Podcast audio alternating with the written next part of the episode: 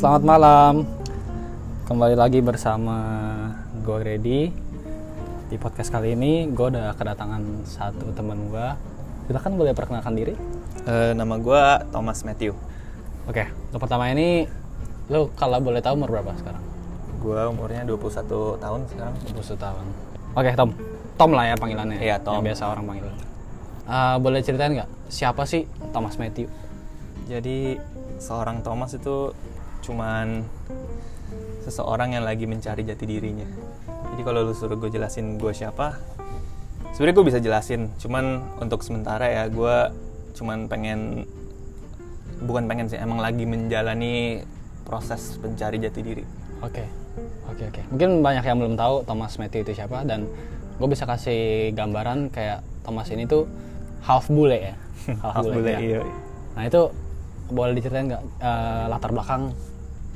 Ya istilah genetik lah, genetik lu gimana gitu? Jadi eh, ya, nyokap gue itu dari Solo, Jawa, dan bokap gue dari Inggris. Dari Tepatnya Sheffield. Bule, berarti itu termasuk bule kan? Ini muka lo nih kayak ada ada jenggotnya, jenggotnya agak pirang-pirang, rambutnya agak pirang-pirang, mancung putih. Lu orang kalau lihat pasti ngelihat dia anjir bule nih. Tapi pas ngomong, oh ngomong Indo gitu. Iya. Dan Indonya tuh kental banget. Karena emang dari kecil lu di Indo kan Di ya? sini ya. Iya, oke. Nah, eh, mungkin gini gak sih? Ada ekspektasi ketika di mana, wah ada bule nih, dia kayaknya jago dalam sesuatu gitu, atau harusnya lebih lebih lebih pandai dalam sesuatu. lah. Contohnya bahasa Inggris gitu. Iya. Ya itu Ada nggak sih ekspektasi-ekspektasi kayak gitu? pastinya ada banyak banget sebenarnya. Soalnya orang kalau udah ngeliat bule tuh pasti expect-nya eh, expect-nya gila ini orang bisa keren gitu terus bisa ini itu.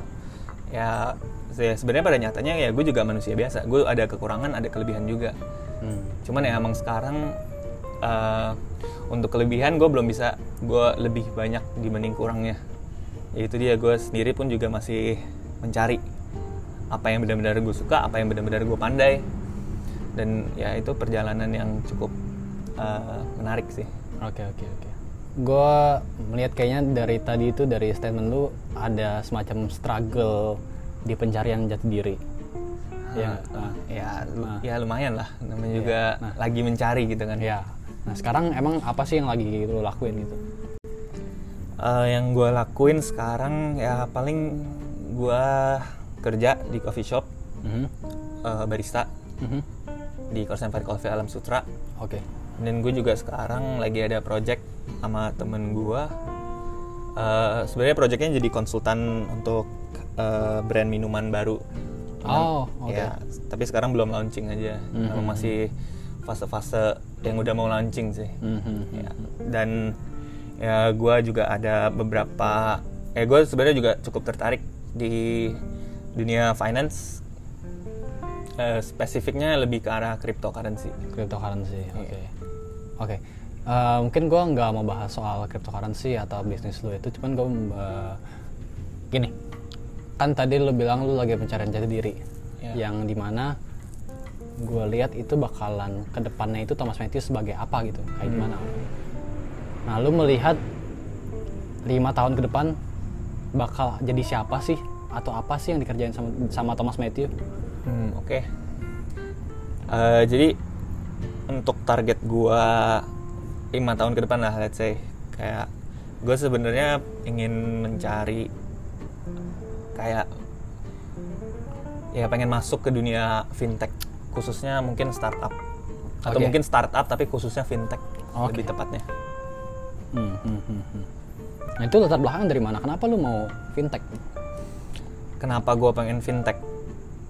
Eh, karena itu pasarnya lagi emerging banget menurut gue dan eh, opportunities gue untuk berkembang secara pribadi juga bakal sangat besar sih. Soalnya gue juga membayangkan challenge-challenge yang ada untuk ke depannya. Hmm, hmm, hmm. Dan menurut gue, eh, ya gue mungkin agak optimis, tapi kayak ya menurut gue gue juga cukup oke di bidang bukan oke ya, cuman lebih karena gue tertarik, gue willing banget buat belajar dan gue bakal berusaha semampu gue buat masuk di suatu hal yang gue suka dan khususnya apalagi gue sebenarnya kayak let's say contoh misalnya gue di F&B gue awalnya awalnya masuknya iseng doang Hmm. cuman asal ada ketertarikan itu willingness buat belajar gue tuh tinggi Hmm. dan ya ya so far sih untuk progres gue cukup eh, cari pribadi cukup puas walaupun memang masih banyak challenge yang gue pengen kembangkan lagi sih Hmm, oke oke oke oke. Oke, itu kan dari tadi lu bilang banyak banget yang pengen lo lakuin kan, terus lo lagi mencari jati diri juga. Mungkin gue lagi pengen ini sih, tahu soal struggle lah. Mungkin di luar sana banyak juga yang sedang mencari jati diri juga. Ya. Ada di mana kayak struggle. Aduh, gue gue tuh siapa ya? Gue tuh sebenarnya harus ngelakuin apa ya? Mungkin lo bisa share dikit tentang struggle struggle lo yang jadi concern lu banget.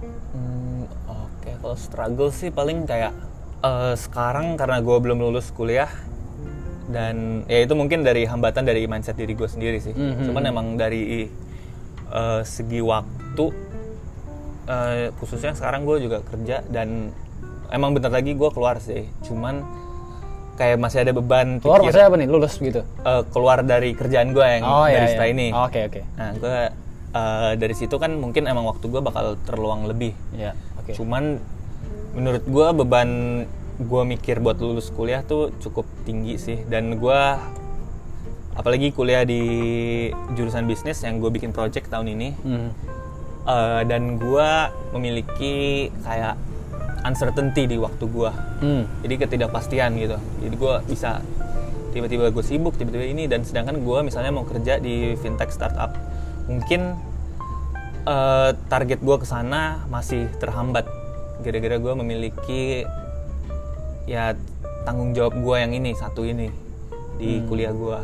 Hmm, hmm, hmm. dan itu ya lumayan lumayan mempengaruhi sih. Soalnya kan kalau lu sendiri kayak misalnya waktu lu masih belum pasti gitu lu belum tahu jadwal-jadwal pasti lu soalnya kan kalau gua emang harus jalanin bisnis dan konsultasi ke dosen-dosen belum semester depan semester 8 semester terakhir gua itu gua harus nyusun skripsi juga kan dan ya menurut gua itu bakal cukup apa ya bikin gue struggle dalam hal untuk gue target ke fintech ini. Hmm, hmm, hmm. Oke, berarti di sini gue ngeliat waktu lah ya. Struggle lagi lagi, eh, sulit membagi waktu gitu. Sulit membagi waktu. Ya mungkin tapi ini dalam perspek- perspektif gue aja sih Iya, mungkin iya, iya. sebenarnya. Cuman gue yakin sih kalau emang nerjun, gue yakin bukan yakin sih, cuman gue mengharuskan gue bisa gitu. Hmm, hmm. Soalnya di sini gue juga belajar time management walaupun emang gue sebenarnya bukan orang yang sangat disiplin dalam waktu dalam arti kayak misalnya gue berencana A, B, C dalam hari ini belum tentu gue menyesuaikan dari situ. Hmm. gue biasanya beradaptasi dari apa yang gue pengen lakuin dan apa yang gue harus lakuin. Biasanya gue beradaptasi dari situ. Hmm. tapi so far gue menurut gue kalau emang misalnya gue nerjun kalau gue udah beraniin diri untuk nerjun ya gue harus bisa. Itu sih Oke. Pada intinya semua itu pekerjaan fintech segala macamnya itu akan mengarah ke uang, kan? Hmm, iya Lu sedang mencari uang. Nah, kalau gue boleh tahu, eh, sekarang eh, lu mengatur keuangan lu kayak gimana ya? Maksudnya, apakah lu dengan bekerja ini lu ngumpulin modal, habis itu baru lu bikin fintech, atau lu em- emang ny- ntar nyari investor atau gimana? Em, kalau khususnya sih gue lebih pengen kerja di bawah orang dulu sih. Hmm. karena ya gue realistically gue belum punya ilmu yang cukup dan untuk lu bikin startup khususnya di bidang fintech lu butuh tim yang sangat besar menurut gue Hmm. dan tim besar ya nggak bisa cuma didorong oleh kemauan dan ke ya dan passion bisa dibilang. Cuman butuh juga dorongan dari uang soalnya itu ya salah satu yang menafkahkan kita dan ya menurut gua perlu banget sih itu modal. Untuk lo running startup dari nol. Makanya Iya, gua sekarang targetnya ya pastinya gua kerja dulu di bawah orang. Eh, mungkin di startup startup yang mungkin udah lumayan besar atau sebenarnya gue juga tertariknya di startup yang belum begitu besar. Hmm. karena mungkin di pandangan gue challenge-nya bakal lebih lebih susah lu running dari nol banget Hmm. lo harus nyari uh, audience lagi lo harus nyari apa yang orang masyarakat perlu Hmm. sedangkan kalau lo di startup yang udah lumayan gitu uh, marketnya udah jelas nih misalnya cuma kan pasti emang lo perlu penetrasi penetrasi market lain Hmm.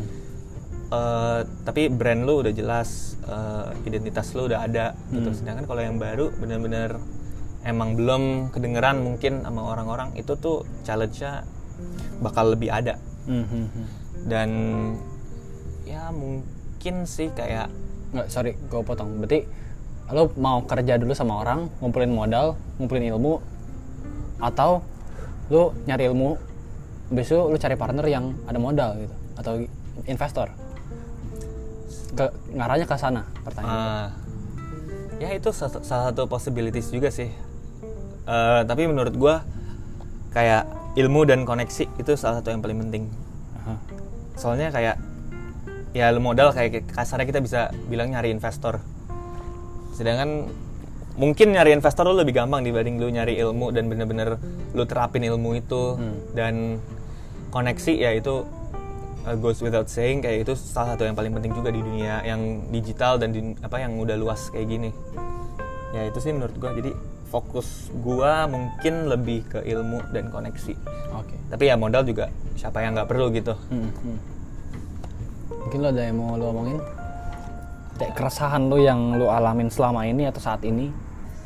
ya sebenarnya keresahan sih banyak ya kayak eh, khususnya kayak gua yang dari kecil dari zaman zaman sekolah lah sampai emang kuliah semester awal tuh gua bisa dibilang belum ada arah.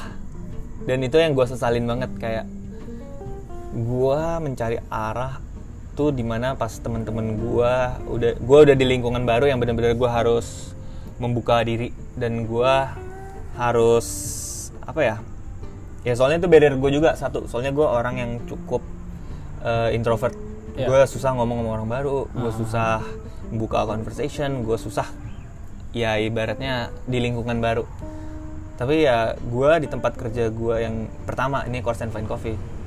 Itu tuh gue belajar banyak banget dan itu menjadi salah satu langkah mungkin salah satu langkah terbesar gue dalam hidup gue soalnya gue sejak gue masuk di sana dan pergaulan gue di sana kayak pemikiran gue lebih terbuka dan gue jujur baru kayak mendapatkan insight-insight dan lebih termotivasi untuk mencari diri gue lebih gitu. Hmm, Soalnya kasarnya kalau dulu gue mungkin belum ada arah tujuan yang jelas. Hmm. Gue masih kayak ya udahlah tunggu gue lulus baru gue figure it out gitu.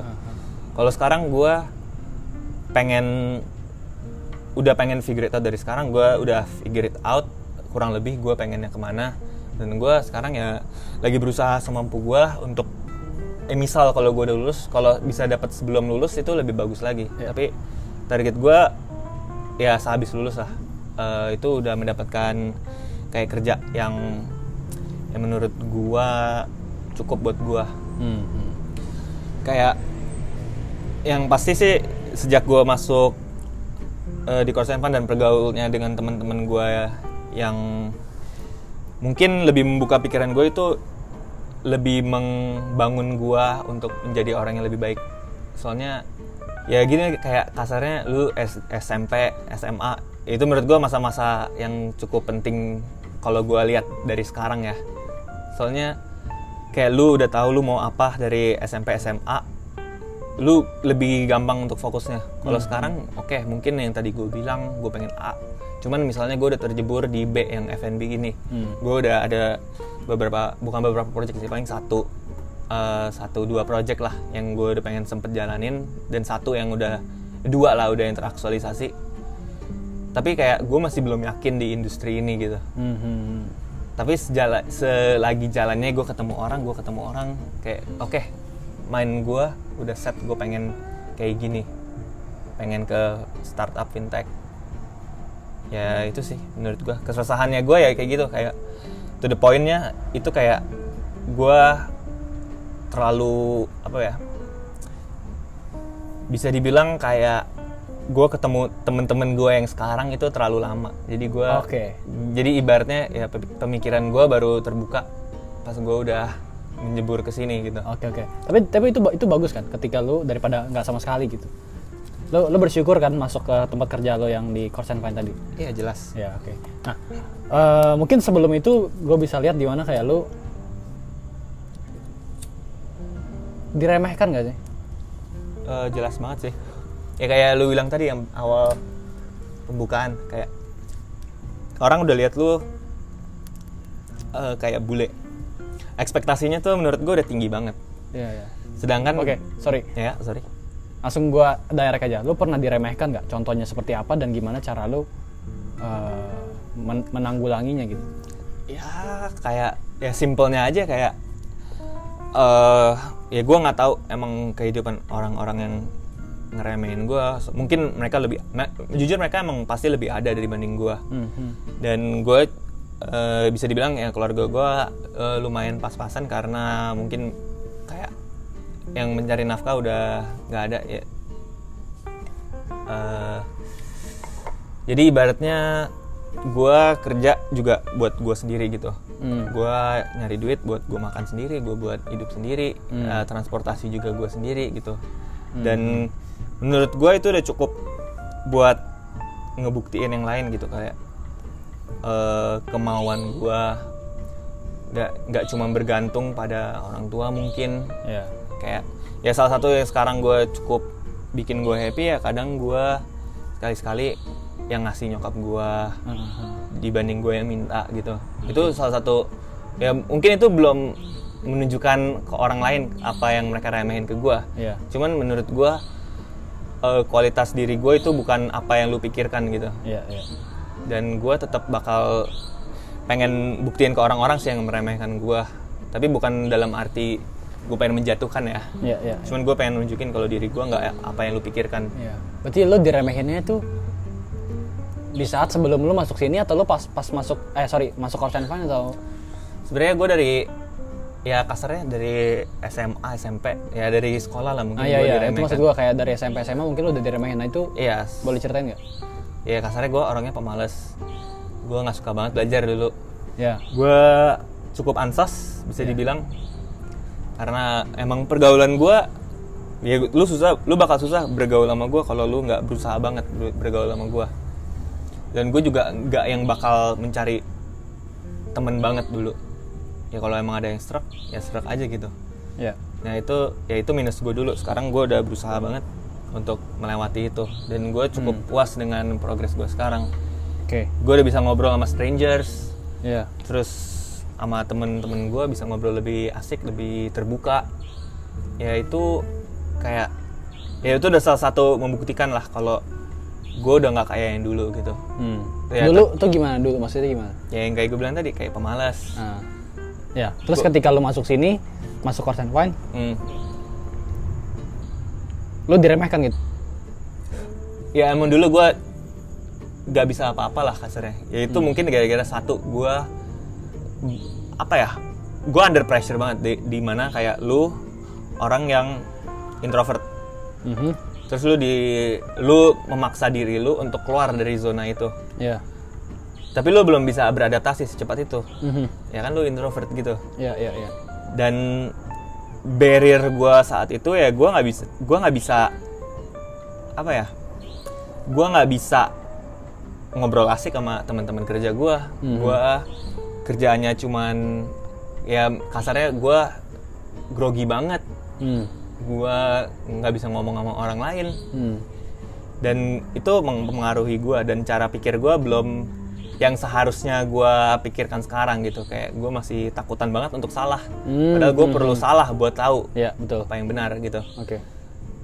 Eh ya kasarnya gua pengen gak salah malah jadinya gue salah banget Mhm. dan itu berkali-kali sama 2-3 bulan gua kayak nggak bisa diandelin di sini gitu Oke. gue emang sempet pengen kayak eh, dibilang kalau lu sampai bulan ketiga nggak bisa ya sorry lu harus di cut gitu Aha. oke terus eh, yang bikin gua yang bikin gua berubah itu mungkin temen gue juga Hmm. Eh, dia ngomongin gua eh, face to face depan gua tapi dia juga ubah cara approach ke gua Encourage. encourage ya lebih ke encourage kalau dulu gue salah mungkin gue kena omel kena maki tapi sekarang dia ganti cara approach-nya dan oh itu membangun percaya diri gue banget Oke.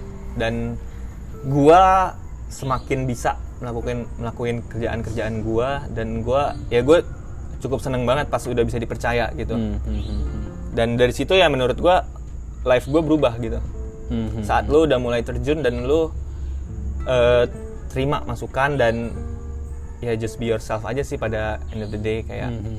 kayak lu tahu kekurangan lu tapi lu harus berusaha improve juga jangan lu mau udah terjebur di zona nyaman lu tapi lu jangan stay di sana gitu Hmm, hmm. Oke. Nah, buat yang nggak tahu mungkin Thomas ini dulu nggak bisa ngomong kayak gini nggak sih? Oke, menjelaskan siapa dirinya dia, ngomong kayak apa yang gue mau, itu mungkin nggak bisa kan? Iya. Ya nggak sih? Bener nggak sih? Iya bisa dibilang. Yang gue tahu sih kayak gitu. Soalnya dulu dia tuh gamers banget orangnya. Bahkan sampai pernah jadi eh, pernah sampai sorry pernah sampai ke Taiwan buat main game. Ya? Iya betul. Nah, eh, waktu lu main game itu, terus lu sampai main ke Taiwan itu udah udah udah big step banget gak sih? Kenapa nggak lu lanjutin gitu? Kenapa nggak gue lanjutin ya? Iya. eh kasarnya gini sih. Gua main game itu dari dulu sekedar hobi. Eh, dan itu yang gue lakuin untuk kabur dari dunia nyata gua gitu. Oke. Kayak ya gua balik lagi gue introvert. Gue nggak jago bersosialisasi Hmm.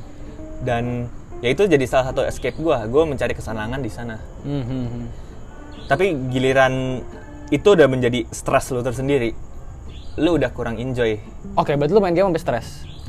Soalnya gue udah at a high level gitu. Aha. Gue eh, masuk Liga Indonesia udah menang dua kali Mhm. dan liga-liga lain kayak lomba-lomba lain itu gue juara satunya udah lumayan sering bisa Oke, dibilang sorry, game apa? eh, League of Legends. League of Legends. Oke, mungkin lu pada di sana yang dengerin sekarang main juga League of Legends. Cuman sekarang lagi zamannya MOBA. Oke, anyway. Balik lagi. Ya, jadi gue udah banyak achievement, tapi eh, di suatu titik kayak yang gue ngerasain komitmen dari temen-temen gue udah berkurang, udah bukan fokusnya di game. Hmm. Dan itu yang gue rasa juga mungkin gue eh, itu mungkin gue terbawa arus pada saat itu, kayak terbawa arus dan gue juga udah susah find eh, happiness di situ gitu, kasarnya.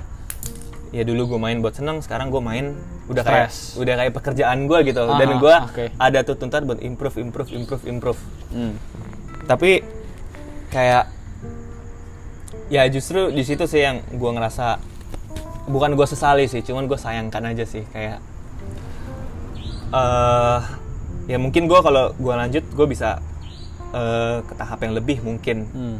cuman gue mungkin terbawa arus teman-teman gue udah pada udah kurang komitmen Hmm. dan gue juga jadi ragu akan komitmen gue di situ dan kayak ya itu sih ultimately yang yang bikin gue decide buat oke gue cabut dari gaming ini dan gue masuk course and find itu gara-gara gue udah nggak find enjoyment di situ gitu pada akhirnya gue udah nggak gaming terus gue masuk ke dunia kerja yang yang course and find ini Ya, yang bertemu sama orang gitu. Iya, dan ya itu salah satu momen yang gue cukup bersyukur banget sih kayak gila gue kalau jadi gue beberapa tahun yang lalu masih gaming itu Iya. gak nyangka gitu Ya. pelajaran yang gue bisa dapat dari gue apa gue decide buat stop dan gue udah ke bisa dibilang next step di hidup gue gitu Hmm, hmm, ya itu sih mungkin Hmm. Oke. Intinya lu sekarang bersyukur dengan apa yang udah lu laluin sama semua ini, lu juga udah ngelaluin gimana lu merasa diremehin, terus akhirnya lu menemukan tempat di mana yang bisa ngerubah lu. Hmm. Cuman tapi ada sisi kecil mungkin ya, mungkin gua nggak tahu ini iya atau enggak, tapi ada nggak yang pengen lu rubah ketika lu bisa membalikkan waktu dan oke, gue balik ke masa ini dan gue mau ngerubah ini agar hidup gue ke depan lebih baik. di zaman SMA sih di mana gue SMA eh ya orangnya cuek. Terus ya nggak tahu apa-apa nggak tahu tujuan hidup. Kalau gue dengan ilmu gue sekarang dan gue bakal turn back time gue ya bakal gunain waktu gue sebisanya. Gue bakal eh, kasarnya gue bisa overcome rasa males gue sekarang. Hmm, hmm, hmm. dan gue pengen menghilangkan itu dari zaman SMA gue Oke oke oke. ya lebih tahu arah hidup lu aja sih biar Oke, oke. lu bisa prepare dari dari dahulu bukan dahulu sih tapi dari dari lama lah bisa Ya, dibilang oke. Lebih cepat lebih baik. lah. Lebih cepat, lebih baik. Mempersiapkan masa depan gitu ya. iya Oke, mungkin lu bisa kasih sebuah kata-kata. Ya mungkin kita masih muda gitu kan, tapi kita lu lu lu bisa kasih advice ke anak-anak SMP atau SMA di mana kayak mereka mungkin sekarang masih nggak jelas atau mungkin masih merasakan hal-hal yang lu, lu, lu rasakan, lu bisa kasih advice. paling jangan takut gagal terus eh, lu harus bisa step out of your comfort zone. Ya itu salah satu yang paling penting sih menurut gua kayak lu kalau stuck di satu satu tempat yang lu nyaman mulu lu nggak bakal berkembang. Dan lu harus eh, mungkin belum harus sih cuman setidaknya lu dapat gambaran lu mau ke mana dan lu harus siapin dari sekarang gitu Ya. soalnya itu penting banget kayak apalagi di dunia sekarang apalagi digital gitu kayak Ya. lu nyari informasi nyari data nyari ilmu itu udah cukup dimudahkan banget gitu dan ya lu harus belajar dari situ apa yang lu mau apa yang kira-kira oke buat lu ya etc sih sebenarnya Oke. Last Mhm. satu kata buat yang ngegambarin oke ini kata-kata tuh go banget. Ya jangan nyerah aja sih kayak apalagi lu yang masih muda gitu jangan ada kegagalan tuh lu kayak lu stop di kegagalan lu itu. Lu harus belajar dari situ dan jangan takut untuk berbuat kesalahan-kesalahan lainnya. In the end lu bakal men- menyempurnakan itu oke thank you Tom. Ya thank you juga. Itu nggak satu kalimat sih. Eh, satu kalimat sih. Panjang juga. Oke. Thomas Matthew jangan nyerah. Thank you Tom. Ya. Oke, sekian dari gua episode kali ini bersama Thomas Matthew. Jangan nyerah, listen everywhere, and let's hear about it. Thank you.